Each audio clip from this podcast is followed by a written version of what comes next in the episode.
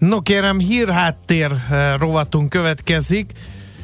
Egy banki, banki tranzakcióról van szó. Eh, a Románia legnagyobb tőzsdén jegyzett bankja, ez a banka Transzilvánia, megvásárolta a Moldáv Mikroinvestet, utóbbi.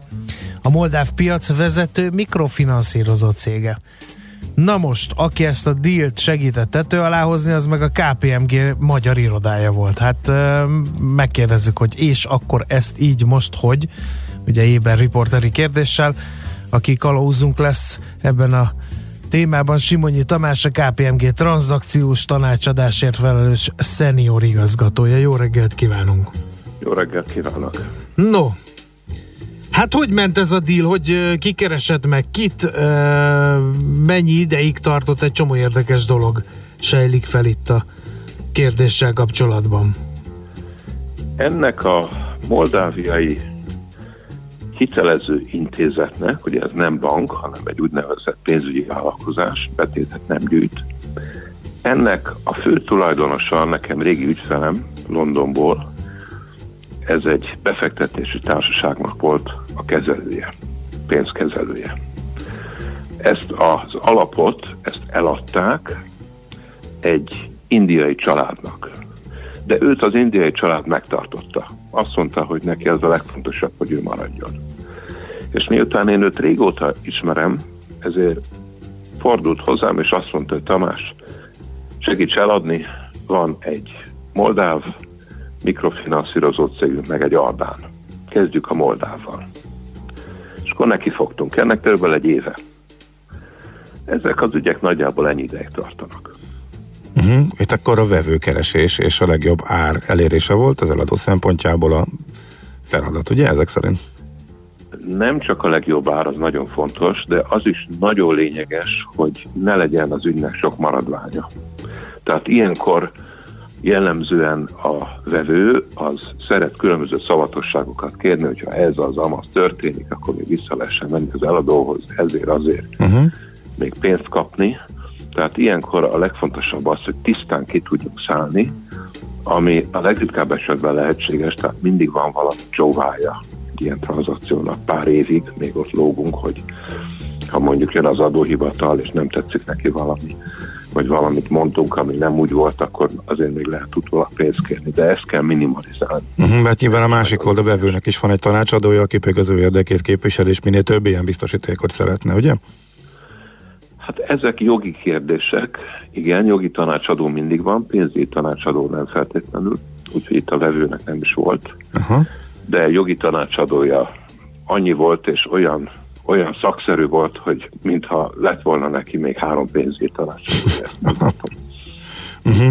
Hogy képzeljük el, hogy nagyon sok helyre, tehát a megkeresés az sok helyre kiment, vagy föltérképe, először föl kell térképezni a potenciális vevőket, milyen módon Tényleg, keresik igen, meg ilyen... A, hogy árulnak egy uh-huh. bankot? Hát nyilván nem lehet közzétenni, vagy egy mhm. pénzügyi szolgáltatót. Nyilván nem lehet közzétenni egy ilyen apró hirdetést a gazdasági sajtóban, hogy, hogy eladó.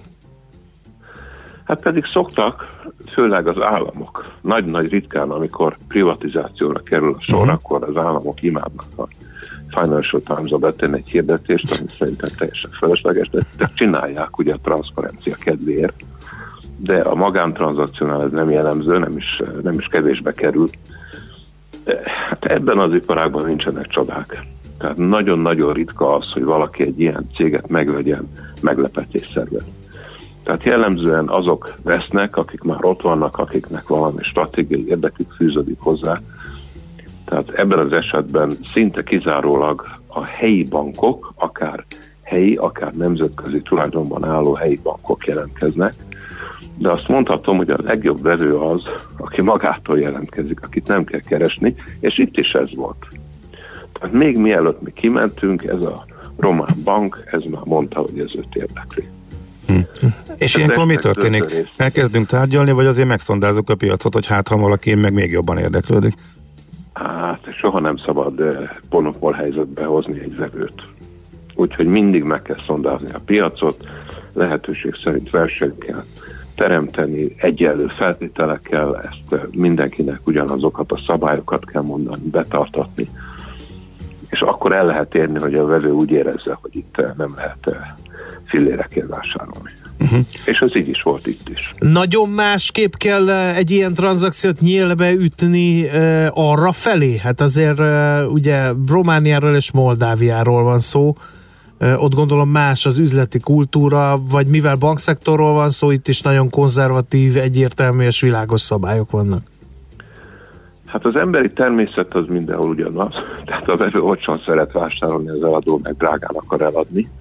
Tehát ez a versenyteremtő rész, ez mindenhol ugyanaz. Amikor már a részletekre kerül a sor, a, a legkülönbözőbb adói, jog, jogi megoldások, akkor már nagyon sokat számít az, hogy az az ország az mennyire illeszkedik a többihez, tehát Európai Unió tagja, vagy nem, ha nem, akkor mennyire távol van tőle. Én azt kell, hogy mondjam, hogy Románia tekintetében nincs olyan különbség, szóval ők is ugyanazokat a szabályokat használják, mint akár mi, vagy döntő részben ugyanazokat, de Moldávia már nem feltétlenül. Moldávia sem a világ vége, tehát ők próbálnak az Európai Unió jogszabály keretéhez alkalmazkodni, de hát egy bizonyos késéssel. Úgyhogy azért itt voltak nehézségek. Uh-huh. És ilyenkor, amikor vannak jelöltek, illetve vannak megkeresések, többen vannak, akkor hogyan működik? Egyenként tárgyalnak, vagy pedig mindenkitől árajánlatot kérnek be? Az egész folyamat hogy zajlik? Egy kis hátteret, hogy betekintést hagy kapjon? Hogy Hát itt szóval nem nagyon másképp megy, mint bármi, amit el akarunk adni, és egy kicsit komplikált. Tehát ugye kell egy leírás amiben bemutatjuk, hogy ki ez, mi ez, ki ad el, miért ad el, mennyit ad el belőle, mit tud, mik a vezetői, mi a pozíciója a piacon, mik az erősségei, gyengességeit az ember ilyenkor nem mondja, hogy is rájön elő. És ennek alapján eh, valaki azt mondja, hogy igen, ez engem érdekel, vagy nem. Ez egy egy-két-három oldalas dokumentum. Röplap. És ha valaki azt mondja, ez engem érdekel, akkor aláír egy titkossági nyilatkozatot, és akkor kap egy részletesebb bemutatást, ami lehet 20-tól 40-50 oldalig. Hát ez főleg adatokból áll. Ennek alapján az ember kér egy előzetes árat. Hogyha az előzetes ár nagyjából beleillik az elképzelésekbe, akkor lehet tovább menni. Ha nem, akkor az ember azt mondja, hogy minek pocsékoljuk egymás idejét. Ha idáig eljutottunk, akkor van egy úgynevezett adatszoba. Az adatszoba az ma már szinte soha nem fizikai szoba, ahova az ember betesz dokumentumokat, hanem minden az interneten van. Tehát itt a cég föltölti lényegében az összes fontos dokumentumát. Tehát a munkaszerződésektől kezdve a hitelszerződéseken át a belső szabályain kereszt, keresztül a felügyeleti jelentésekig mindent, ez több ezer dokumentum. És ilyenkor a vezőnek vagy vezőknek lehetőség van arra, hogy azt akár egy hónapon keresztül tanulmányozzák, a vége felé eljöjjenek, megkérdezzék, hogy amit értettek, azt jól értették-e, kiegészítő kérdéseket tesznek föl, van valami benyomásuk a menedzsmentről. Ez egy-két nap. És amikor ezen túl vagyunk, akkor erre rá megkérik a belső jóváhagyásokat, és adnak egy végleges árat, és lehetőség szerint egy szerződés tervezetet, amit már előtte egy kicsit megnéztek, kigyomláltak. Tehát ez az a pillanat, amikor az eladó tudja, hogy mi a piac. Minden, ami korábban volt, az már nem érdekes. Ez a végső ár dönti el, hogy ki nyer, kivel megyünk tovább. Az is előfordul, hogy nem egyel, hanem kettővel, ha nagyon közel vannak egymáshoz. Ilyenkor jön a szerződés egy hónaptól három hónapig bármi. Az is lehet, hogy az végén elakadunk. Azért nem jellemző, de előfordult.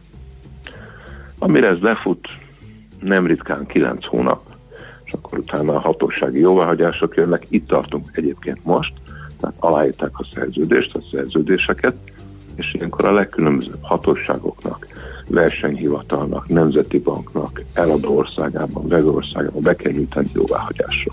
És amikor ez lezajlik, akkor egy bonyolult jogi procedúrával megtörténik a fizetés és akkor jön az utóélet, ami még évekig járta. Uh-huh. Igen. Mennyi uh, beleszólása okay. volt a menedzsmentnek a tranzakcióba? Ezt egy hallgató kérdezés, valóban érdekes kérdés, illetve mennyire múlik rajta egy ilyen tranzakció? Hát ugye, ahogy szokták mondani, azt a lovat, amelyiket eladják, azt nem szokták megkérdezni. azért nem Sejtettem. Van, nem teljesen így van, mert uh, ugye az adatokat, meg a cég bemutatását, pozicionálását is csak a menedzsment végzi, és hogyha a menedzsmentnek nagyon nincs kedve ahhoz, hogy eladják, akkor ezt uh, jó kedvelőséggel meg tudja akadályozni. Éppen ezért az eladó, eladók jellemzően szokták a menedzsmentet ösztönözni.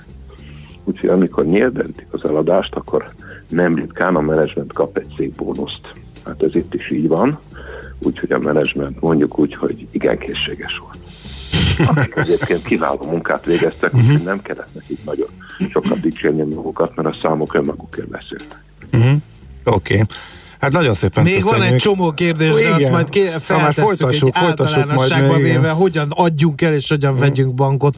Úgyhogy szívesen folytatjuk majd a beszélgetést. Nagyon szépen köszönjük gondolatébresztőnek és tökéletes. Köszönjük. Viszont hallásra. Viszont hallásra. Simonyi Tamással a KPMG tranzakciós tanácsadásért felelős szenior igazgatójával beszélgettünk.